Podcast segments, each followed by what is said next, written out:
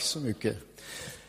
När vår församling grundades för drygt 90 år sedan så hette vi inte Pingkyrkan, utan vi hette Philadelphia församlingen. Det var Philadelphia kyrkan. Och det hette faktiskt de flesta pingkyrkor på den tiden.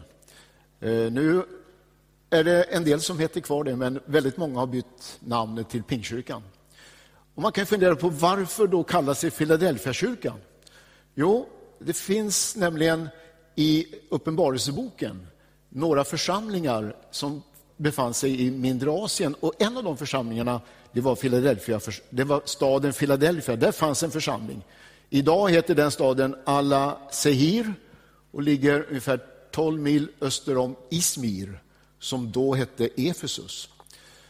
Och det är den förklaringen, därför att så här är det. I Uppenbarelseboken så får Johannes, aposteln Johannes, eh, han är på ön Patmos, han är landsförvist där därför att han har förkunnat Jesus.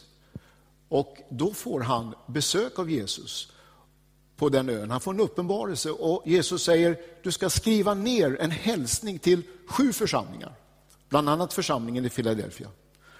Och det gjorde han. Och Det där är ju ganska intressant.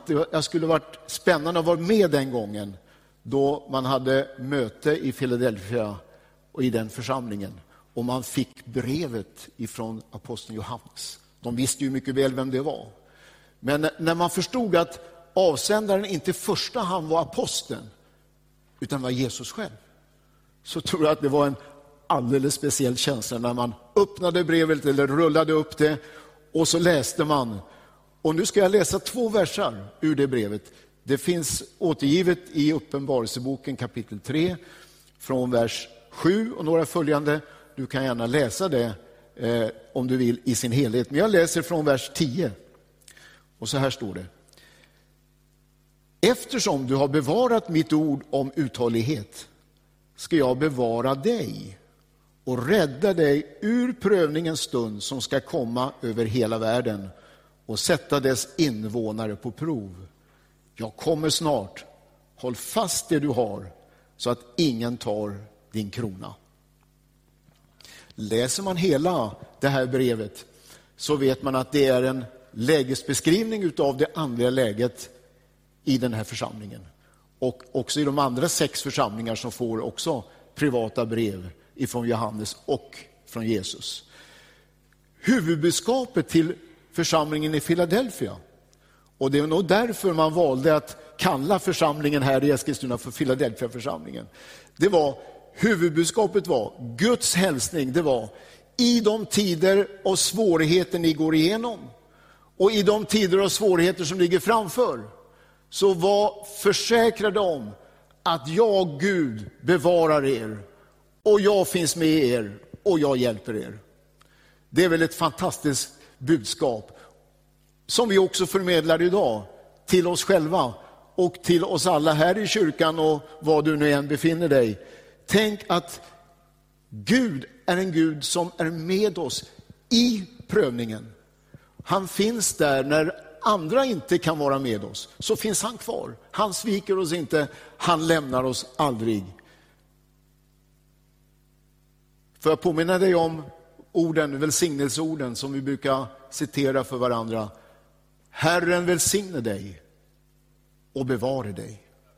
Herren låter sitt ansikte lysa över dig.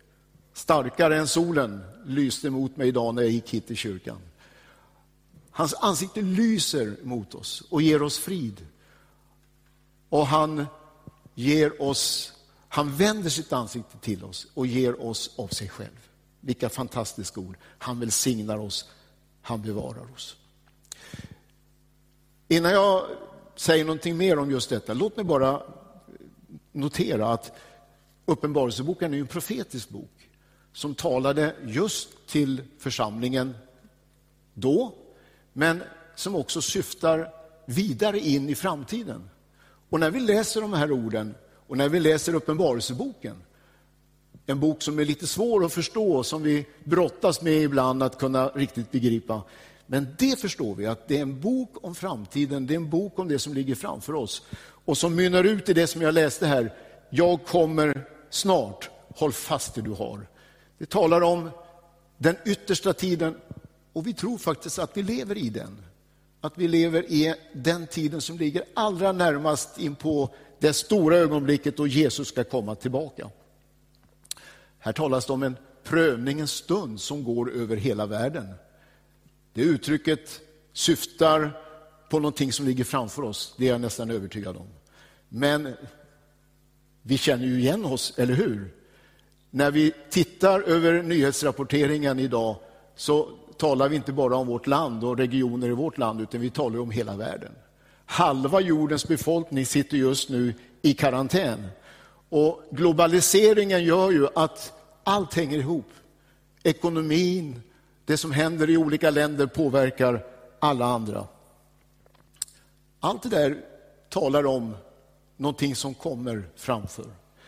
Ehm, också intressant, tycker ni inte, att man genomför just nu lagar i många länder, i demokratiska länder, som egentligen är odemokratiska. Alltså, tänk att i Spanien går militärer på gatorna och håller undan människor.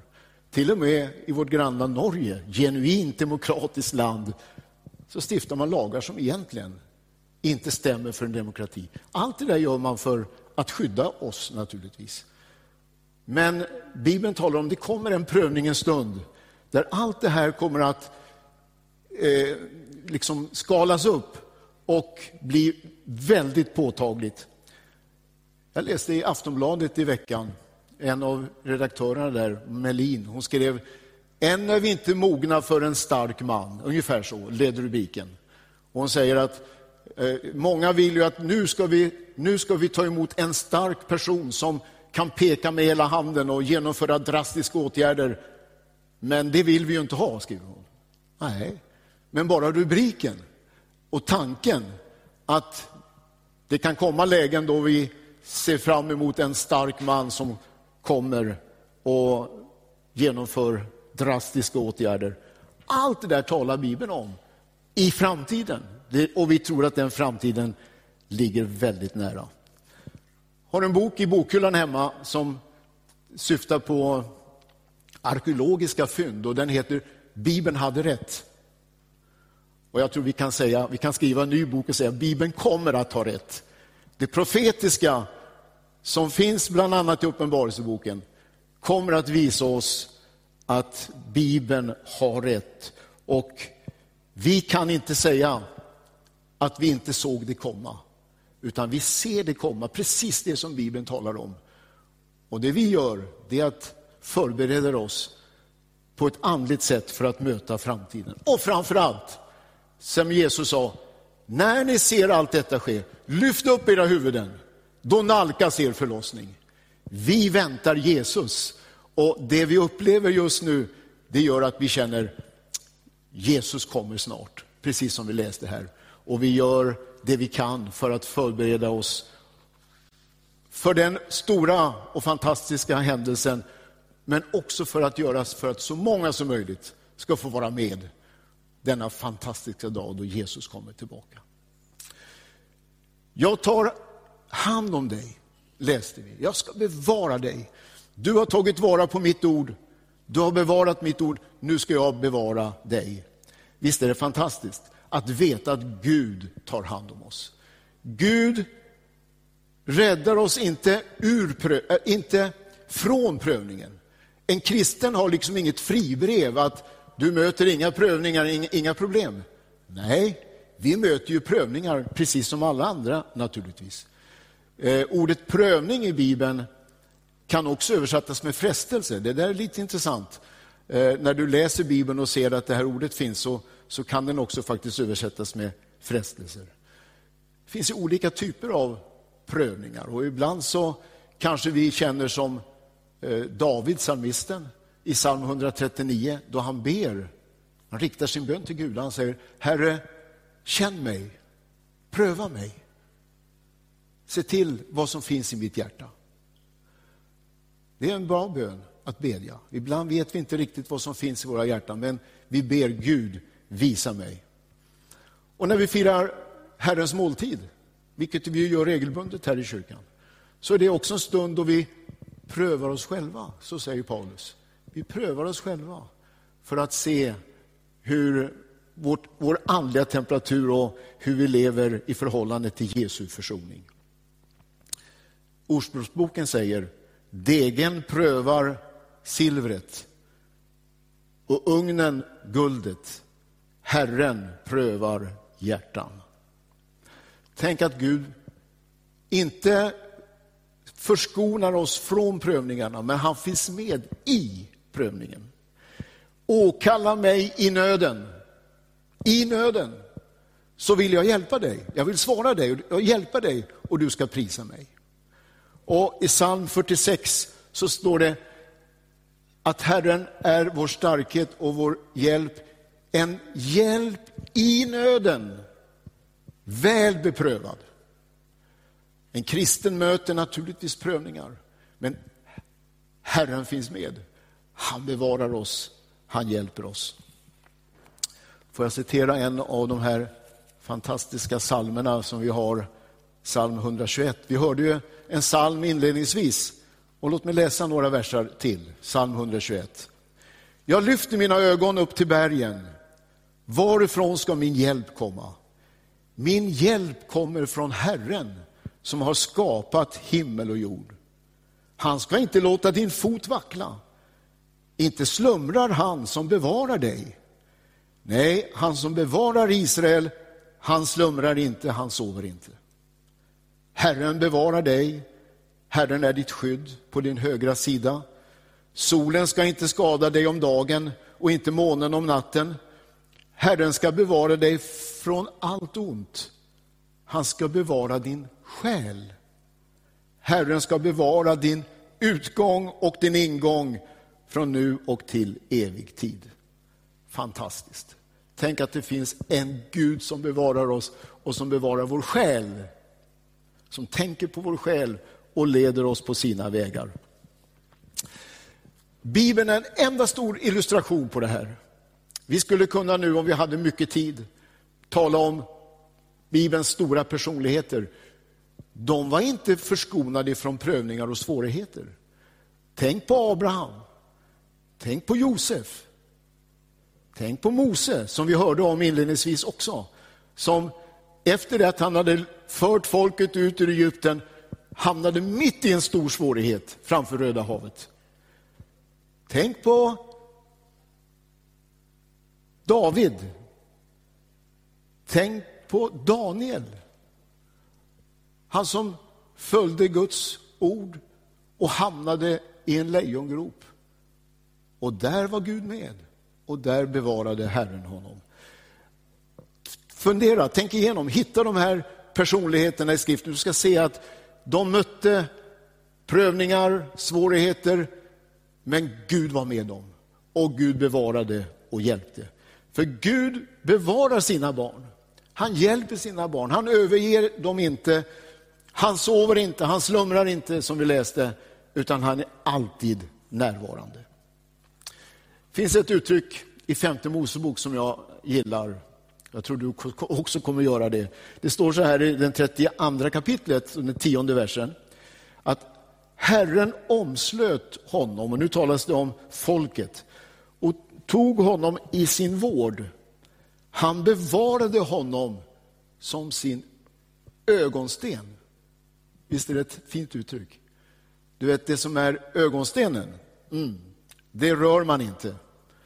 Eh, jag vet inte om du har studerat djurlivet, du vet att en, en mamma som har, eh, en hona som har fått ungar, du ska inte gå nära ungarna för då reagerar mamman starkt eh, och hotar dig. För ungarna är ögonstenen. Och så är det också med oss som har barn, det är ju vår ögonsten. Gud säger, ni är min ögonsten. Ni, ingen får röra er. Ni är det som ligger närmast mitt hjärta. Och det är det som också David uttrycker i psalm 23, eller hur? Den kan vi ju nästan utan till. Herren är min herde, mig ska inte fattas. Han låter mig vila på gröna ängar. Han för mig till vatten där jag finner ro. Han vederkvicker min själ och leder mig på rätta vägar för sitt namns skull. Om jag än vandrar i dödsskuggans dal, i prövningen, fruktar jag inget ont. Ty du är med mig. Din käpp och stav, det tröstar mig. Du bereder för mig ett bord i mina ovänners åsyn. Du smörjer mitt huvud med olja och låter min bägare flöda över. Godhet allenast och nåd ska följa mig i alla mina livsdagar och jag ska åter få bo i Herrens hus evinnerligen. Fantastiska ord. Och många gånger jag har citerat dem vid dödsbäddar, när man står samlade kring någon som bara har kanske minuter kvar att leva. Tänk att då få citera, om jag än vandrar i dödsskuggans dal fruktar jag inget ont, ty du är med mig. Tänk att han finns med, också i det ögonblicket och alla andra måste släppa händerna och ta ett steg tillbaka.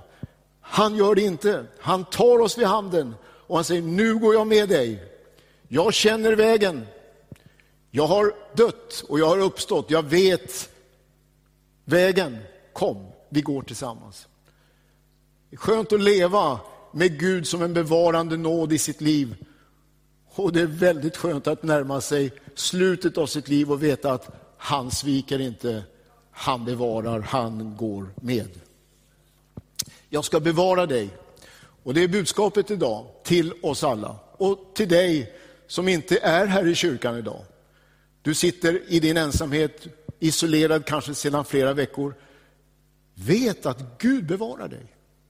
Det gäller dig som möter svårigheter av olika... Du kanske är sjuk, du till och med kanske har smittats av den här sjukdomen som vi alla fruktar. Eller du kanske fruktar att smittas av den. Vet att Gud finns med i prövningen. Han hjälper dig och han hjälper dig i den och han hjälper dig ur prövningen. Jag ska bevara dig, säger Gud, därför att du har bevarat mitt ord. Det finns en koppling här och det är väldigt intressant. Jesus säger så här, om någon älskar mig håller han fast vid mitt ord. Den som inte älskar mig håller inte fast vid mitt ord. Alltså att hålla fast vid det ord som Gud har talat.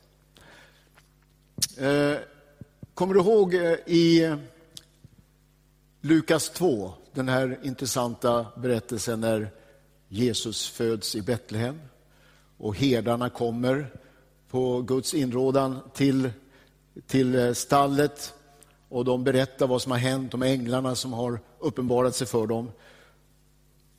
Då står det att Maria och Josef de förundrade sig. Och så står det tillagt, Maria, hon gömde och begrundade allt detta i sitt hjärta. Det Gud talade, det var inte någonting bara som föll till marken, utan hon gömde det i sitt hjärta. Och hon begrundade det.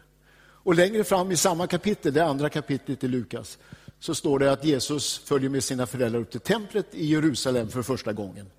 Och det där var ju en dramatisk händelse när man upptäcker på vägen hem att man hade tappat bort Jesus. Han fanns inte med dem längre, utan man fick gå tillbaka och till slut hittar man honom i templet. Och, och det är en väldigt intressant story.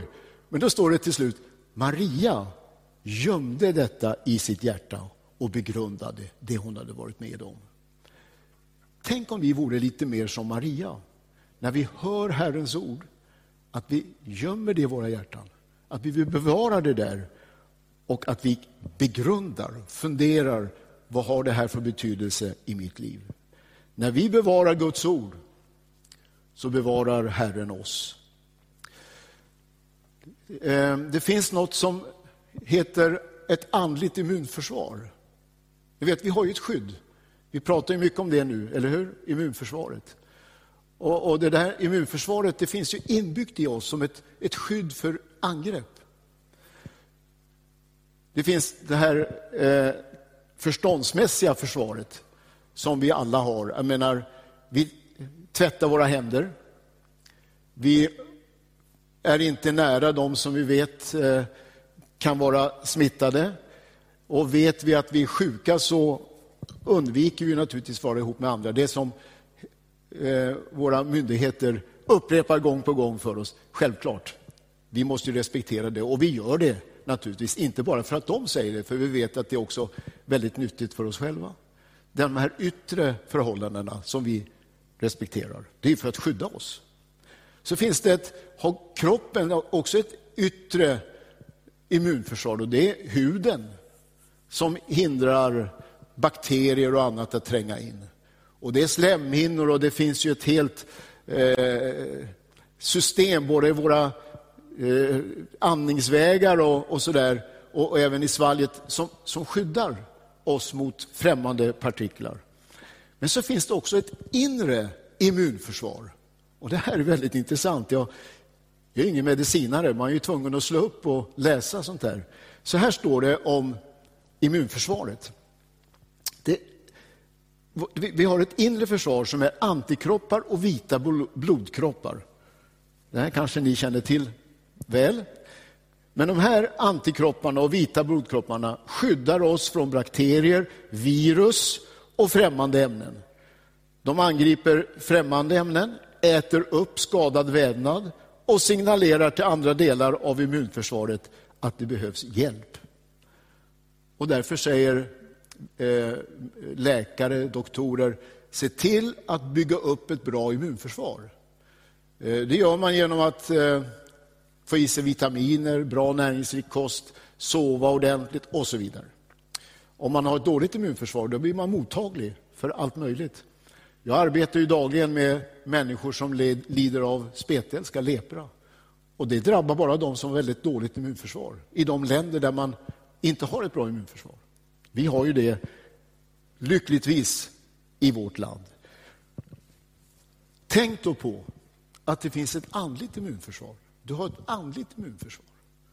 Och det är, det är på samma sätt ett yttre skydd som bara du kan ta ansvar för. Det vill säga, håll dig ren. Bibeln säger, tvätta dina händer rena. Håll ditt hjärta rent. Framför allt vad du må bevara. Bevara din plånbok? Nej. Bevara dina aktier? Nej. Bevara ditt hjärta. Därifrån utgår livet. Se till att du har ett rent hjärta. Tvätta dina händer, som Tegnell säger till oss. Men ha ett rent hjärta, som Jesus säger. Se till att ditt hjärta är rent. Gör era händer rena, ni syndare, säger Jakob i sitt brev. Och era hjärtan, ni tvehågsna. Ja, vi är ofta tvehågsna, vi liksom lutar åt olika håll. Men tänk att få hålla sitt hjärta rent och rena händer, rena sinnen, rena tankar. Och så avstår vi naturligtvis från det som skadar oss. Det är därför vi håller avstånd. Det är därför vi frivilligt sätter oss i karantän. Vi vet ju att det beskyddar oss. Även andligt sett så finns det ibland anledning att hålla avstånd mot sånt som bryter ner och förstör i ditt liv. Ibland finns det anledning att, om du förstår bilden, att vara i karantän.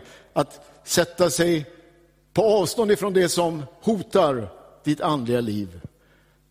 Avstå från skadliga sammanhang som vi vet bryter ner och förstör. Det är inte allt vi läser, det är inte allt vi ser på tv. Det är inte allt vi kan fånga på datorn som bygger upp vårt andliga immunförsvar. Tvärtom.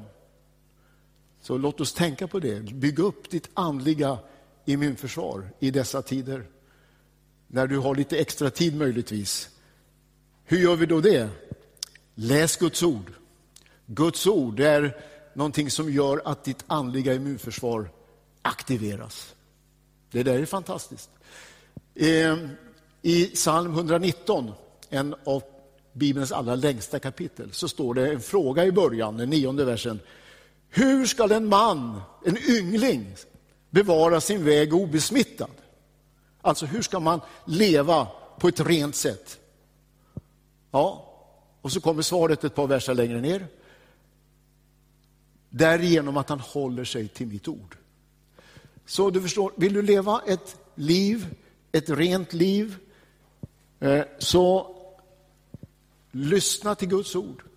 Läs Guds ord. Bygg upp dig själv med Guds ord. Då bygger du in i ditt, i ditt liv en, ett andligt immunförsvar som tar hand om väldigt mycket som vill komma in i ditt liv och som kan neutralisera och bekämpa detta. Guds ord är en sån kraft i våra liv. När Jesus frestades i öknen på ett sätt som vi aldrig kan riktigt förstå och mäta oss med. Så det enda han tar till, det enda som skyddar Jesus, hans immunförsvar slår till och han säger, det står skrivet. Han hade läst Guds ord, han hade, han hade det i sitt hjärta och han mötte prövningen, han mötte frestelserna med Guds ord. Så läs din bibel, lyssna till Guds ord. Bed. Genom bönen är du med och får en andlig motståndskraft i ditt liv. Var noga med den andliga gemenskapen. Där får du styrka av andras gåvor och andras tjänster. Och där byggs du upp, där blir du stark. Och sen odla de positiva känslorna och tankarna. Får jag läsa ifrån, ifrån Efeserbrevets fjärde kapitel. Efesierbrevets fjärde kapitel står så här. Och jag läser från den åttonde versen.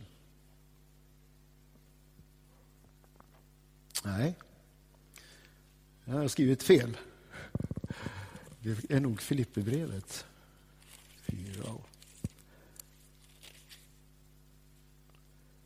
Ja, Filipperbrevet 4 och 8. Jag hade skrivit fel notering i min anteckning. Så här står det.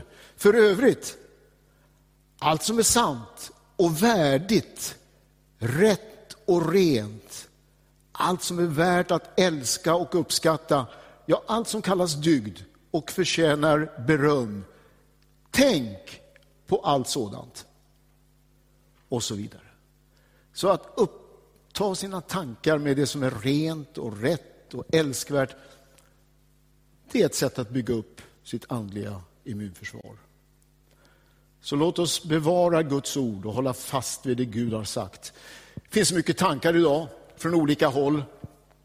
De kommer utifrån. Det är eh, människor, kulturpersonligheter och andra, de hånar oss för att vi håller fast vid Guds ord. Men också inifrån, det finns till och med teologer som menar på att ah, det är inte så noga med vad Bibeln säger. Vi avvisar båda dessa inställningar. Vi säger, vi läser Guds ord, vi håller fast vid det Gud har sagt. Och när vi bevarar hans ord, då vet vi att han bevarar oss. I andra Timoteusbrevet, och jag ska snart sluta, så talar Paulus där om när han ger råd till sin unga medarbetare Timoteus. Han säger att i de yttersta dagarna så kommer det svåra tider. Och så gör han, berättar han hur människorna ska vara då. Väldigt intressant, det stämmer väldigt väl med vår egen tid faktiskt. Och då, liksom, hur ska han möta dessa dagar då, säger han till Timoteus? Jo, han säger lite längre ner i samma kapitel, det tredje kapitlet i det andra brevet, att men du, säger han, håll fast vid det som du har lärt och det du har fått visshet om. Du vet ju av vilka du har lärt dig. Håll fast vid Guds ord. I de yttersta tiderna, i de svåra tiderna, i prövningens stund, håll fast vid Guds ord. Bevara Guds ord i ditt hjärta, bevara Guds ord i ditt liv. Och du ska upptäcka att Gud själv bevarar dig. Håll fast vid bekännelsen av Jesus Kristus som din frälsare. Håll fast vid hans ord. Det är det enda säkra. Vi fick frågan inledningsvis, vad är det som är tryggt och säkert? Vad kan vi hålla oss till? Guds ord kan vi hålla oss till. Det är klippan som vi kan bygga våra liv på. Så idag, kära vänner, Gud vill bevara dig. I prövningen så finns han nära dig. Och han, som det står i Filipperbrevet, Guds frid som övergår allt förstånd bevarar våra hjärtan och våra tankar i Kristus Jesus, vår Herre. Det är liksom, Gud gör en kortslutning, vårt förstånd. Han går liksom, passerar vårt förstånd, en bypass, går förbi förståndet, Guds frid bevarar våra hjärtan och våra tankar i Kristus Jesus. Och Herren vill bevara vår själ. Så här står det, och med det, de orden vill jag sluta. Han som förmår bevara er från fall och ställa er inför sin härlighet, fläckfria och jublande.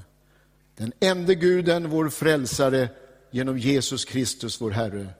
Honom tillhör ära och majestät, välde och makt, före all tid, nu och i all evighet. Amen. Tack Herre, att du är trofast. Tack att du inte sviker dina barn. Hjälp oss Herre att hålla fast vid ditt ord, hålla fast vid bekännelsen av dig i våra liv. Och tack att vi vet att du håller fast vid oss. Du bevarar oss. Tack för denna fantastiska kunskap som vi får genom ditt ord. Jag ber Herre om gott immunförsvar hos oss var och en. Inte bara i yttre kroppslig mening, medicinsk mening, men också i andlig mening. Så att vi kan verkligen leva ett rent, ett motståndskraftigt liv i allt det som vill tränga in och bryta ner och förstöra. I Jesu namn jag ber.